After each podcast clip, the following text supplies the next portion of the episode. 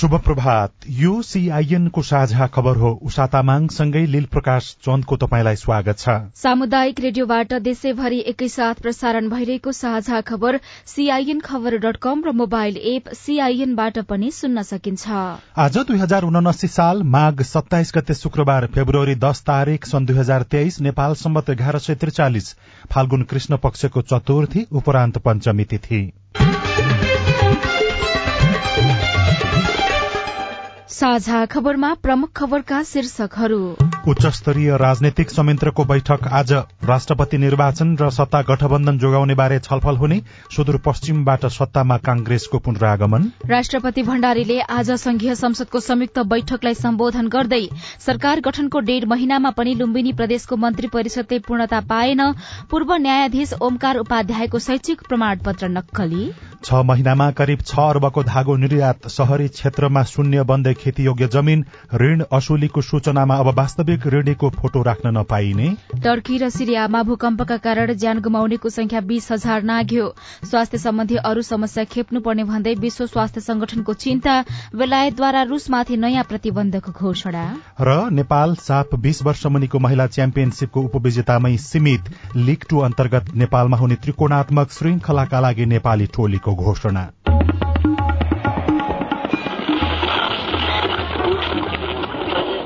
सयौं radio. हजारौं radio कर्मी र करोड़ौं नेपालीको माझमा यो हो सामुदायिक सूचना नेटवर्क सीआईएन साझा खबरको सबैभन्दा शुरूमा राष्ट्रपतिको निर्वाचन र सत्ता गठबन्धन जोगाउने बारेमा छलफलका लागि उच्च स्तरीय राजनैतिक संयन्त्रको बैठक लामो समयपछि आज बस्न लागेको प्रसंग सरकारलाई सहयोग गर्ने भन्दै सत्ता साझेदार दलले गठन गरेको उच्च स्तरीय राजनैतिक संयन्त्र बैठक आज बस्दैछ। प्रधानमन्त्री पुष्पकमल दाहाल प्रचण्डले उच्च स्तरीय संयन्त्र बैठक बस्ने जानकारी गराउनुभयो। हिज नै बस्ने भनिएको संयन्त्र बैठक नेताका कार्य व्यस्तताका कारण बस्न सकेन। नेपाल कम्युनिष्ट पार्टी एमाले अध्यक्ष केपी शर्मा ओलीको संयोजकत्वमा उच्च स्तरीय संयन्त्र बनेको छ। सभामुख निर्वाचन अघि बसेको संयन्त्र बैठक त्यसयता बसेको छैन। बैठकमा राष्ट्रपति निर्वाचन सुदूरपश्चिम प्रदेश सरकारका साथै पछिल्लो समसामयिक राजनैतिक अवस्थाबारे छलफल हुने एजेण्डा छन्। गत सोमबार प्रधानमन्त्री प्रचण्ड एमाले अध्यक्ष ओली सहित प्रमुख प्रतिपक्षी दल नेपाली कांग्रेस सभापति शेरबहादुर देउवाबीच सिंहदरबारमा छलफल भएको थियो। आगामी पच्चीस फागुनमा राष्ट्रपति चयनका लागि निर्वाचन हुँदैछ। त्यसैलाई लिएर राजनैतिक दलका शीर्ष नेता तीव्र आन्तरिक छलफलमा छन्। निर्वाचन आयोगले पच्चीस फागुनमा हुने राष्ट्रपति निर्वाचनमा दुई हजार चौहत्तरको राष्ट्रपति निर्वाचनकै मतभारबाट निर्वाचन गर्ने तयारी गरेको छ। आयोगले चौथो कार्यकालका लागि तेस्रो राष्ट्रपति चयन गर्न पच्चीस फागुनमा मतदान गर्ने गरी निर्वाचन कार्यक्रम घोषणा गरिसकेको छ। यसैबीच पूर्व सहमति विपरीत माओवादी अध्यक्ष पुष्पकमल दाहाल प्रचण्डलाई प्रधानमन्त्री दिन आनाकानी गरेपछि संघ र सातै प्रदेशको सरकारबाट बढ़ारिएको कांग्रेसले सुदूरपश्चिमबाट सत्ता राजनीतिमा पुनरागमन गरेको छ। सभापति शेरबहादुर देउवाको आत्मघाती अड़ानले सत्ताबाट विमुख बनेको कांग्रेस उहाँकै गृह प्रदेशबाट सत्तामा फर्कने संयोग जुरेको छ। मुख्यमन्त्री राजेन्द्र सिंह रावलले आफूलाई विश्वासको मत दिन हिजो प्रदेशसभा बैठकमा राखेको प्रस्ताव बहुमतले अस्वीकृत गरेपछि सबैतिर विपक्षीमा रहेको कांग्रेसलाई सत्तामा फर्कने ढोका खुलेको हो। यसका लागि प्रदेश सरकार गठनमा निर्णायक शक्ति रहेको नागरिक उन्मुक्ति पार्टीले उपयुक्त वातावरण बनाइदिएको हो। प्रस्ताव अस्वीकृत भए लगत्तै रावलले मुख्यमन्त्रीबाट राजीनामा बुझाएको केही बेरमै साझ प्रदेश प्रमुख देवराज जोशीले कांग्रेस संसदीय दलका नेता कमल बहादुर शाहलाई मुख्यमन्त्रीमा नियुक्त गर्नुभएको छ। नवनियुक्त मुख्यमन्त्री शाहले एक महिनाभित्र विश्वासको मत लिनुपर्ने त्रिपन्न सदस्यीय प्रदेशसभामा मुख्यमन्त्रीलाई बहुमत सिद्ध गर्न सत्ताइस मत आवश्यक पर्छ। आफूहरूका माग पूरा नभएका कारण विश्वासको मत नदिने निर्णय गरिएको नागरिक उन्मुक्ति पार्टीका प्रवक्ता दामोदर पण्डितले सीआईएनसँग बताउनुभयो। राजबन्दीहरू रिहा गर्ने सवालमा कुनै पनि ठोस चिजहरू आएन। यसले गर्दाखेरि हामीलाई धेरै अप्ठ्यारो पार्यो। सरकारलाई समर्थन गरिरहेको पार्टीको एकजना सांसदलाई जेल हाल्दाखेरि पनि त्यसलाई छुटाउनुमा कुनै पहलहरू देखिएन।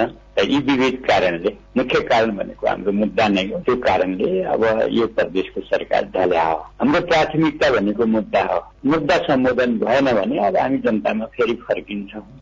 सुदूरपश्चिम प्रदेशको मुख्यमन्त्रीमा नियुक्त हुनुभएका नेपाली कांग्रेस संसदीय दलका नेता कमल बहादुर शाहले आज पद तथा गोपनीयताको शपथ ग्रहण गर्दै हुनुहुन्छ। यसैबीच नेकपा एमाले सत्ता गठबन्धन विरूद्ध षड्यन्त्र हुन थालेको निष्कर्ष निकालेको छ। एमाले सचिवालयको हिज बसेको बैठकले सत्ता गठबन्धन टुटाएर सरकार गिराउने षड्यन्त्र हुन थालेको निष्कर्ष निकालेको हो। सुदूरपश्चिम प्रदेशमा एमाले नेतृत्वमा बनेको सरकार विश्वासको मत नपाएर ढलेपछि गठबन्धनमा संकट आएको एमालेको निष्कर्ष निष्कर्ष छ गठबन्धन संकटमा परेपछि सरकार पनि त्यसबाट अछुतो हुने कुरा भएन। सुदूरपश्चिम प्रदेशका मुख्यमन्त्रीलाई नागरिक उन्मुक्ति पार्टीका सांसदले विश्वासको मत नदिएर धोका दिएको एमालेको आरोप छ। राष्ट्रपति विद्यादेवी भण्डारीले संघीय संसदका दुवै सदनको संयुक्त बैठकलाई आज सम्बोधन गर्दै हुनुहुन्छ। संसद सचिवालयका अनुसार संयुक्त बैठकलाई उहाँले दिउँसो तीन बजे सम्बोधन गर्ने कार्यक्रम तय गरिएको छ। संविधानको धारा पञ्चानब्बे बमोजिम राष्ट्रपति विद्यादेवी भण्डारीले संयुक्त बैठकमा सम्बोधन गर्नुहुने र राष्ट्रपतिको सम्बोधनपछि सदनले धन्यवाद प्रस्ताव पारित गर्ने संघीय संसद सचिवालयका सहप्रवक्ता दशरथ धमलाले सीआईएनसँग बताउनुभयो। तीन बजे दुवै सभाको संयुक्त बैठकमा सम्मान्य राष्ट्रपतिबाट सम्बोधन हुने कार्यसूची रहेको छ। त्यसपछि दुवै सभाका अलग अलग बैठकहरू बस्नेछन्। प्रतिनिधि सभाको बैठक पाँच बजे बस्नेछ भने राष्ट्रिय सभाको पाँच बजेर सोह्र मिनटमा बस्छ।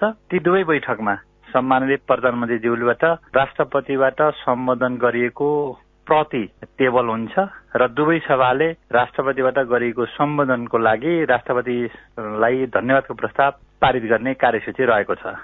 यसैबीच संघीय संसद प्रतिनिधि सभाको बैठक अब भर्चुअल माध्यमबाट पनि गर्न सकिने भएको छ। प्रतिनिधि सभा नियमावली मस्यौदा समितिले सभाको भर्चुअल बैठकले पनि वैधानिकता पाउने गरी नियमावलीमा नै स्पष्ट व्यवस्था गरेपछि प्राविधिक प्रविधिबाट बैठक सञ्चालनको बाटो खुलेको हो। मस्यौदा समितिको हिजो सिंहदरबारमा बसेको बैठकले कम्तीमा एक चौथाई सदस्यको सहमतिमा भर्चुअल बैठक बस्न सकिने प्रावधान सहितको व्यवस्थालाई सर्वसम्मति पारित गरेको छ।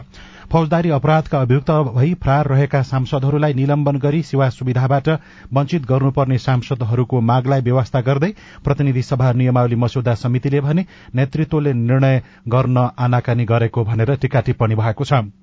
समितिको हिजोको बैठकमा बोल्ने सांसदहरूले फरार हुनु भनेको कानून र अदालतको अवज्ञा हुने भएकाले नियमावलीमा उनीहरूलाई निलम्बन गरी सेवा सुविधाबाट वञ्चित गर्नुपर्ने माग राखेका छन्। नियमावली मस्यौदामा फरार रहेका सांसदलाई सहजै तलब सुविधा पाउने व्यवस्था राख्न नहुने भन्दै समितिका सदस्यहरूले प्रश्न उठाएका छन्। संघीय संसदका पदाधिकारी तथा सदस्यहरूको पारिश्रमिक र सुविधा सम्बन्धी ऐन दुई हजार त्रिहत्तर र प्रतिनिधि सभा नियमावली दुई हजार फरार रहेका सांसदको निलम्बन र सुविधा सम्बन्धमा कुनै प्रावधान नरहेपछि यसपटक पनि पुरानै व्यवस्थालाई निरन्तरता दिन खोजिएपछि समिति सदस्यहरूको बीचमा नै आरोप प्रत्यारोप चलेको छ।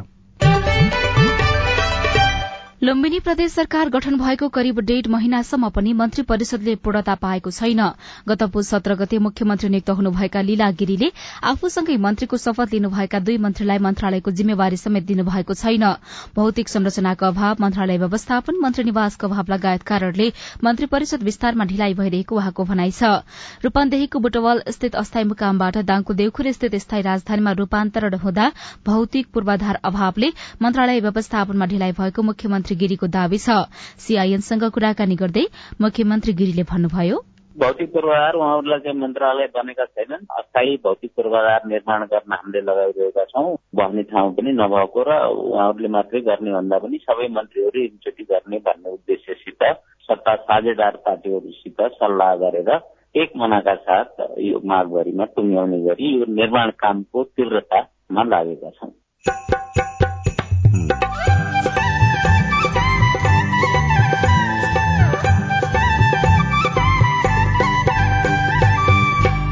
सामुदायिक सूचना नेटवर्क सीआईएन मार्फत देशभरि प्रसारण भइरहेको साझा खबरमा बर्ड फ्लूबाट बच्न किसानहरूले ध्यान दिनुपर्ने कुरा। खोरभित्र वा बाहिर निस्किँदाखेरि उहाँहरूले चुनालाई टेकेर वा बजारमा पाइने विभिन्न व्यावसायिक रूपमा पाइने निसंक्रामक औषधिहरू स्प्रे गरेर मात्रै छिर्नु पर्यो। पूर्व न्यायाधीश ओमकार उपाध्यायको शैक्षिक प्रमाणपत्र नक्कली छ महिनामा करिब छ अर्बको धागो निर्यात शहरी क्षेत्रमा शून्य बन्दै खेतीयोग्य जमीन लगायतका खबर बाँकी नै छन्।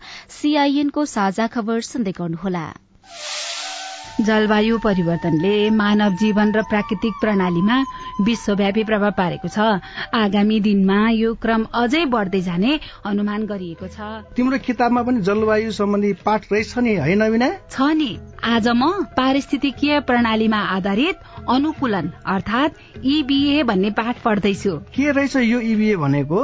जोखिममा परेका समुदायलाई प्राकृतिक स्रोत र साधनको उपयोग गरी जलवायु परिवर्तनको जोखिम न्यूनीकरण र सामना गरी जिउने र विकसित हुन सहयोग पुर्याउने कामलाई इबिए भनिन्छ।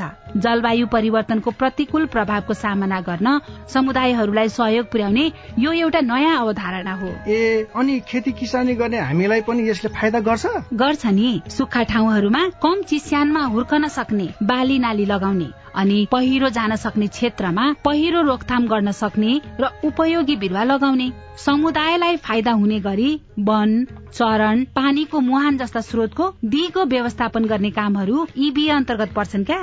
उसो भए त यो गजबको कुरा रहेछ त।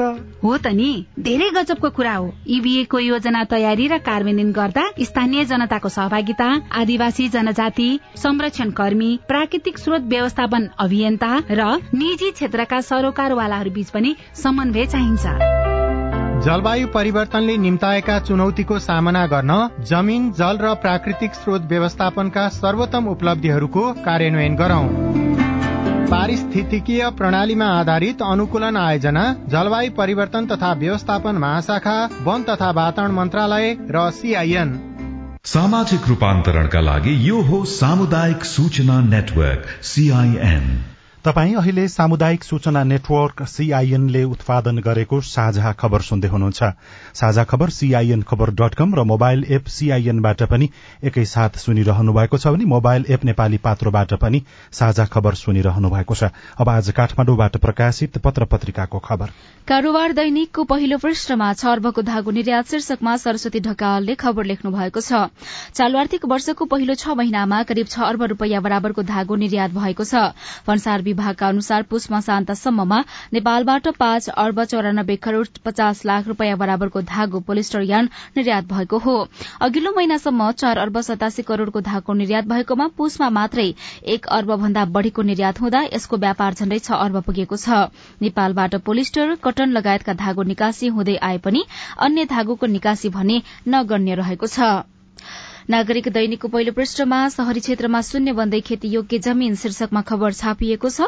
भुवन शर्मा लेख्नुहुन्छ काठमाण्डु उपत्यका सहित मुलुकका शहरी क्षेत्रका अधिकांश स्थानीय तहले आफ्नो पालिकाभित्र कृषियोग्य जमीन शून्य भएको देखाउन थालेका छन्। यस आधारमा सरकारी अभिलेखमा कृषियोग्य जमीन घट्दै गएको छ।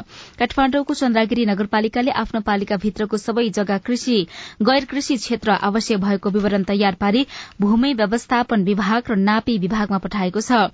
यसअघि उक्त पालिकाले जग्गा वर्गीकरणमा प्राविधिक सहयोग गर्न नापी विभागलाई चिठी लेखेको थियो तर उसले विभागका प्राविधिकको सहयोग बिनै एकै पटक सबै जग्गा गैर कृषि क्षेत्र भनेर विवरण तयार पारेको हो।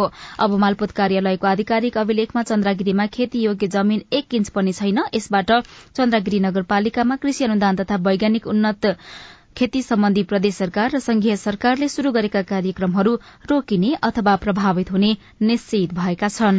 नयाँ पत्रिका दैनिकमा फास्ट ट्र्याक दुई हजार एकासीमा पूरा हुने शीर्षकमा परशुराम काफ्लेले खबर लेख्नु भएको छ। रक्षा मन्त्रालयले दुई वर्ष पछिको समय सीमामा त्यति बेलासम्म निर्माण सम्पन्न हुने आधार लागतको स्पष्ट मूल्याङ्कन तथा डीपीआर संशोधन नहुने सुनिश्चितता सहित पुनः प्रस्ताव पेश गर्न सेनाको आयोजनालाई निर्देशन दिएको छ।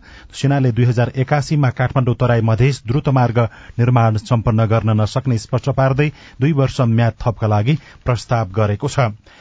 मृगौला प्रत्यारोपणमा लैंगिक असमानता शीर्षकमा कान्तिपुर दैनिकमा विद्या राई लेख्नुहुन्छ। उदयपुरका पैंतिस वर्षीय सुरेश दनुवार काभ्रेको नाला स्थित विद्यालयमा पढ़ाउनुहुन्छ। पत्नी राधिका कुमारी दुई सन्तान र घर व्यवहार सम्हाल्नु भएको छ। सुरेशको खुट्टा अचानक सुनिन थाल्यो। बनेपा स्थित डेरादेखि नालासम्म हिँडेरै विद्यालय आउजाउ गर्ने भएकाले सुन्निएको भन्ठान्नु भयो वास्ता गर्नु भएन। टेक्नै नसक्ने गरी सुनिन थालेपछि अस्पताल जानुभयो। नशाको औषधि खाँदै थिए। दशैंमा माछामा सुखाएपछि बेथाले झन च्याप्न थाल्यो। उहाँले भक्तपुरको शहीद धर्मभक्त राष्ट्रिय प्रत्यारोपण केन्द्रमा पुगेको अनुभव सुनाउनुभयो।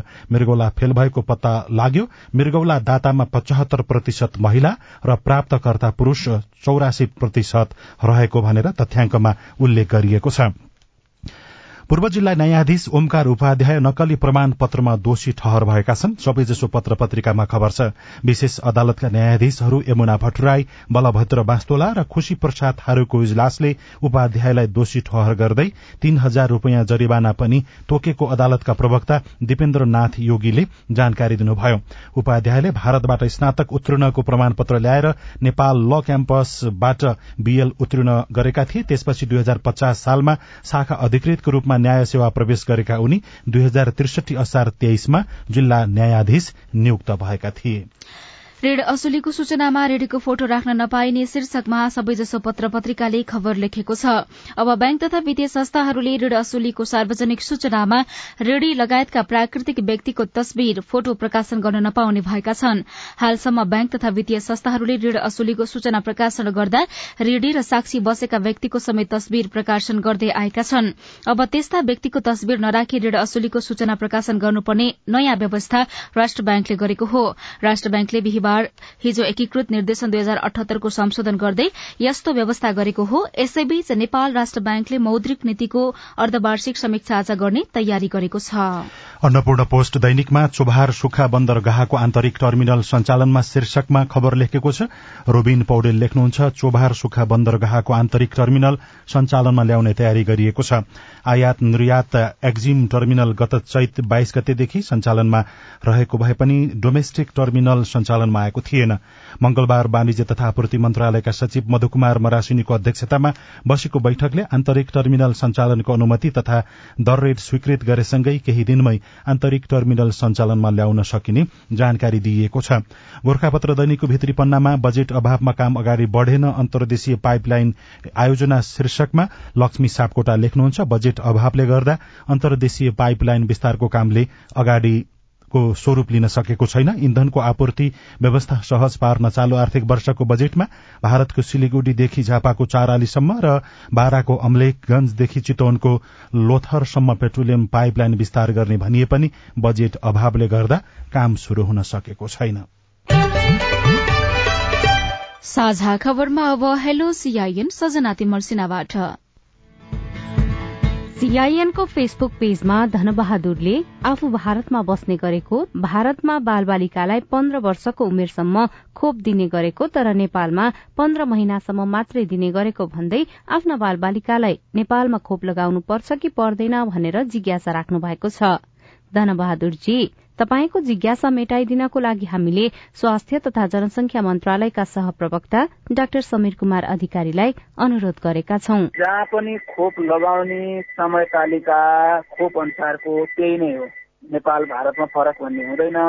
चार हप्तामा लाउने छ हप्तामा लाउने दस हप्तामा लाउने खोप त्यही समयमा लाउनुपर्छ जहाँ लगाए पनि। पन्ध्र महिनामा लाउने खोप पन्ध्र महिनामै लाउनु पर्ने हुन्छ। पन्ध्र वर्षमा लाउने खोप पन्ध्र वर्षमा लाउने हो। कुनै खोप हामी कहाँ चार हप्तामा लाउने अनि त्यही खोप चाहिँ अर्को देशमा अरू ठाउँमा पन्ध्र वर्षमा लाउने चाहिँ हुँदैन। हाम्रो फेसबुक पेजमै मनोज ठाकुरले मध्य प्रदेश सरकारले छोरी बिमाको लागि खाता खोल्न लगाए पनि अहिले अत्तो नभएको भनेर गुनासो गर्नु भएको छ। मनोजजी यसबारेमा थप स्पष्ट पारिदिनको लागि हामीले मध्य प्रदेशको शिक्षा विकास निर्देशनालयका निर्देशक चुडामणि पुयाललाई अनुरोध गरेका छौं। छोरी बिमा कार्यक्रम चाहिँ छोरी जन्मिने बित्तिकै आवश्यक प्रमाणहरू जन्म दर्ताहरू बाबुआमाको नागरिकताहरू लिएर आउने बित्तिकै तपाईँहरूले अनलाइन मार्फत यो फर्म भर्न सक्नुहुन्छ। यसमा कुनै यसले गर्ने यसले नगर्ने भन्ने कुरा छैन। यो चाहिँ सरकारले नै सैतिस हजार सात सय रुपियाँ बिउ पुँजी दिएर त्यसैलाई वृद्धि गरेर बिस वर्ष पछाडि तीन लाख रुपियाँ दिने व्यवस्था हो र तीन लाख दिँदाखेरि पनि त्यसका शर्तहरू छन्। उनले चाहिँ एसी पास गरेको हुनुपर्छ। उनले अर्ली म्यारिज गर्न पाउँदिनन्। यो सम्बन्धी विवरण सम्पूर्ण कुरा बुझ्न कसैले चाहन्छ भने शिक्षा विकास निर्देशनालय मध्य प्रदेशमा आएर सम्पर्क राख्न सक्नुहुन्छ। डोल्पा जिल्लामा अब सीमित टेलिकमको टावर मात्रै छन् बनाएका टावर त छन् तर सञ्चालन नहुँदा त्यहाँका जनगुनासो सुनाउन पाएको अवस्था छैन। त्यसैले स्थानीय चुनावलाई प्रभाव पार्न बनाइएका ती टेलिकमका टावरहरू विगत छ महिनादेखि सञ्चालनमा नआएको अवस्था छन्। ती टावरहरू कहिलेसम्ममा सञ्चालन हुन्छन्? जवाफ दिँदै हुनुहुन्छ दूरसञ्चार कार्यालय डोल्पाका प्रमुख दया विक्रम केसी। त्रिपुरा सुन्दरी नगरपालिकामा जरान भएको दुईटा टावरको बारेमा उहाँले कुरा राख्नु भएको रहेछ। अब यसको लागि पहल हुँदैछ जति सक्दो चाँडै चाहिँ इक्विपमेन्टहरू जरान भएर चाहिँ सेवा सञ्चालनमा आउँदैछ। तपाईँ जुनसुकै बेला हाम्रो टेलिफोन नम्बर शून्य एक बान्न साठी छ चार छमा फोन गरेर आफ्नो प्रश्न जिज्ञासा गुनासा अनि समस्या रेकर्ड गर्न सक्नुहुनेछ। साझा खबरमा अब विदेशको खबर टर्की र सिरियाको सिमानामा गएको भूकम्पमा परेर मृत्यु हुनेको संख्या बीस हजार भन्दा धेरै पुगेको छ। गत सोमबार गएको शक्तिशाली भूकम्पपछि आज बिहानसम्ममा बीस हजार भन्दा धेरै मृत्यु भएको बीबीसीले जनाएको छ। समाचार संस्था सीएनएनले भने मृतकको संख्या एक्काइस हजार भन्दा बढ़ी पुगेको खबरमा उल्लेख गरेको छ। आश्रय पानी इन्धन र बिजुली अभावका कारण गम्भीर घाइते भएका समेत जोखिममा रहेको विश्व स्वास्थ्य संगठनले बताएको छ। संगठनका अनुसार भूकम्प भन्दा अन्य प्रकोपका कारण सर्वसाधारणले अझ जटिल चुनौतीको सामना गर्नुपर्ने देखिएको छ। दुवै देशका उद्धारकर्मी सक्रिय रहे पनि भग्नावशेष मुनि फँसेका धेरैलाई जीवितै उद्धार गर्ने आशा भने न्यून देखिएको खबरहरूमा भनिएको छ। युक्रेन युद्धको विषयलाई लिएर बेलायतले रूस विरूद्ध थप प्रतिबन्धको घोषणा गरेको छ। बेलायतका विदेश मन्त्री जेम्स क्लिभरेलीले रूसी सेना र क्रेमेलिन अभिजात वर्गहरू विरूद्ध नयाँ चरणको प्रतिबन्धको घोषणा गर्नुभएको हो। युक्रेनका राष्ट्रपति जुलेनिस्की बेलायती प्रधानमन्त्री ऋषि सुनाक र राजा चार्ल्ससँग भेटघाट गर्न बेलायत पुग्नु भएको छ। उहाँले बेलायतको संसदलाई सम्बोधन गर्ने कार्यक्रमका बीच यस्तो घोषणा आएको हो। साझा खबरमा अब खेल खबर। नेपाल साफ बीस वर्ष मुनिको महिला च्याम्पियनशीप फुटबलको उपविजेतामा सीमित भएको छ। हिजो साझा भएको फाइनलमा आयोजक बंगलादेशसँग तीन शून्यले पराजित भएसँगै नेपाल उपविजेतामा सीमित भएको हो। बंगलादेश भने अपराजित रहँदै च्याम्पियन बनेको छ। लीग चरणमा समेत नेपाल बंगलादेशसँग तीन एकले पराजित भएको थियो। र नेपाल क्रिकेट संज्ञानले आईसीसी विश्वकप क्रिकेट लीग टू अन्तर्गत नेपालमा हुने त्रिकोणात्मक श्रृंखलाका लागि नयाँ टीम घोषणा गरेको छ। क्यानले पूर्व कप्तान सन्दीप लामिछानेलाई समेट्दै चौध सदस्यीय टीम घोषणा गरेको हो। क्यानको निलम्बन फुकुवापछि सन्दीप पहिलो पटक राष्ट्रिय टोलीमा पर्नु भएको हो। चिसो मौसममा पञ्चीजन्य रोगको जोखिम रेडियो कुराकानी अरू खबर र कार्टुन पनि बाँकी नै छ। सीआईएनको साझा खबर सुन्दै गर्नुहोला।